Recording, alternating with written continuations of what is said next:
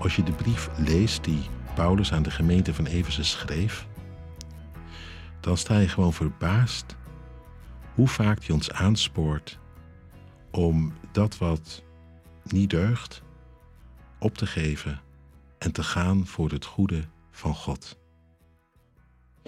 Het lijkt een beetje herhaling van zetten te worden.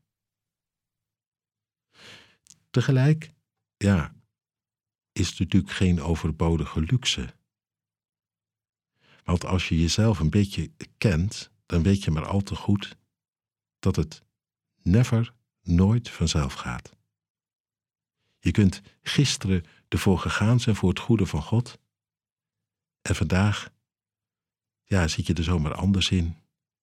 Met verkeerde been opgestaan. Een beetje zagrijnig door dit of dat. Geïrriteerd. Door de een of de ander. En je zit zomaar op het andere spoor. Je liep zo mooi achter Jezus aan en nu ineens ga je zomaar weer je eigen gang. Dus het is niet voor niks dat Paulus ons blijft herinneren. We horen het in Efeze 5, vers 1.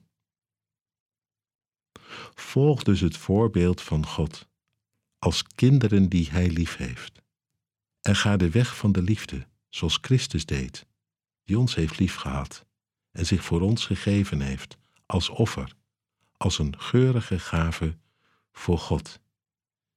Ik moet je eerlijk zeggen dat ik steeds meer onder de indruk raak van Jezus.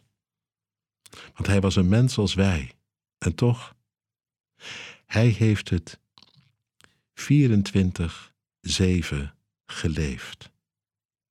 Liefde tot zijn vader, liefde tot ons. Zich nooit laten leiden door Sagarijn. Ik weet niet of hij wel eens met het verkeerde been uit bed gestapt is. Ik weet wel dat je altijd weer als je hem ontmoet, of het nu vroeg in de, vroeg in de ochtend is of laat op de dag, je altijd de liefde van God in hem ontmoet. Ik sta verbaasd. Wat een strijd moet dat soms geweest zijn voor hem. Hij zei later tegen ons dat wij geroepen worden achter hem aan te gaan door onszelf te verloochenen en het kruis op ons te nemen. Hij wist daar zelf blijkbaar alles van. Een kruis door wat er in je opkomt en jezelf verloochenen een nee tegen je eigen gevoelens in. Ergens anders lees ik dat hij in alles verzocht is geweest als wij. Het had dus hem ook zomaar kunnen overkomen. Maar hij heeft het niet gedaan. En zo is zijn leven een geurige gave geweest voor God. Tot op het kruis staat er zelfs. Dat is helemaal apart. Het meest onmogelijke werd gevraagd. Een liefde tot het uiterste. God die riep hem op die weg. Om zich te geven voor ons. Voor al die keren dat wij onderuit gaan. Rekende het zijn eigen zoon aan.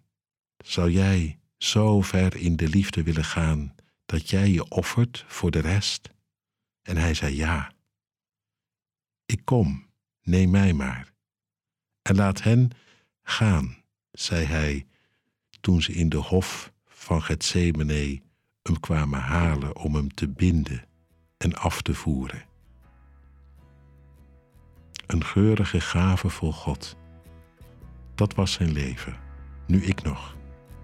Met vallen en opstaan, dan toch maar weer vandaag achter hem aan.